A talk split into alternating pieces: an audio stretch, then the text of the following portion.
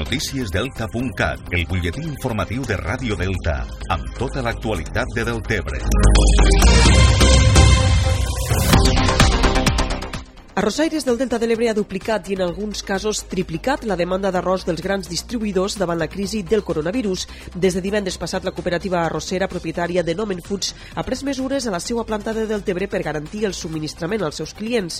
La cooperativa ha deixat de prestar tots aquells serveis als socis que es poden ajornar per més endavant i ha intensificat els torns de treball a la fàbrica per cobrir la demanda existent al mercat. L'arròs és un producte de primera necessitat i davant la crisi de Covid-19 la seva compra s'ha disparat. La gran demanda d'arròs arriba pel canal de la gran distribució dels supermercats, mentre que el canal de l'hostaleria i la restauració ha quedat aturat en sec. El president de Rosaires del Delta, Jordi Casanova, assegura que hi ha estoc suficient per abastir el mercat més està treballant el personal de fàbrica perquè hi ha una forta demanda del que sobretot la gran distribució de comandes d'arròs. L'arròs és un aliment bàsic que, i ens hem centrat molt en l'activitat de donar aquest servei sobretot a una societat que el que tenim que fer és cobrir-la de, la, de la demanda de poder tindre aliments bàsics per, per les seves cases. D'arròs existit, l'altra cosa és que el que no podem ficar al mercat, el que fem en sis mesos, ficar en tres dies. La demanda d'arròs arriba sobretot del mercat nacional i de Catalunya, on Arrossaires i Nomen Foods tenen la seva principal quota de mercat.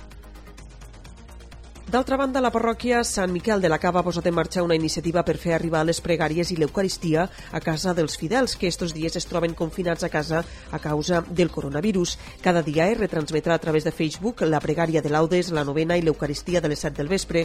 A més, dimecres i divendres es farà el tradicional Via Creu, entre d'altres pregàries en motiu de la Quaresma. Cada setmana es retransmetrà també la missa dels diumenges a les 11 del matí. El rector de la parròquia, Joan Guerola, ha recordat que ens trobem en un moment excepcional amb les esglésies tancades i la ciutadania confinada i que les xarxes socials són el mitjà que permetrà arribar a la casa dels fidels. Intentarem, en els nostres mitjans, fer-nos presents a les cases de totes aquestes persones que normalment participen aquí a la parròquia, especialment també pels malalts, per aquells que són de risc, aquells que no poden sortir. Sempre l'Església, sempre la nostra fe, la intentem apropar i la podem portar dins les nostres cases. No només els actes religiosos s'han vist alterats pel coronavirus, sinó que les mesures de control imposades han obligat també a ajornar la temporada de la Passió de la Cava. Inicialment s'havien de celebrar dos funcions els dies 4 i 5 d'abril i d'acord amb la Federació Catalana de Passions, la temporada s'ajorna fins al pròxim mes de maig. Més qüestions. Agents de la policia dels Mossos d'Esquadra van detindre el passat 15 de març un home de 54 anys i veí de Deltebre com a presumpte autor d'un delicte contra la seguretat del trànsit i d'un delicte de trencament de condemna.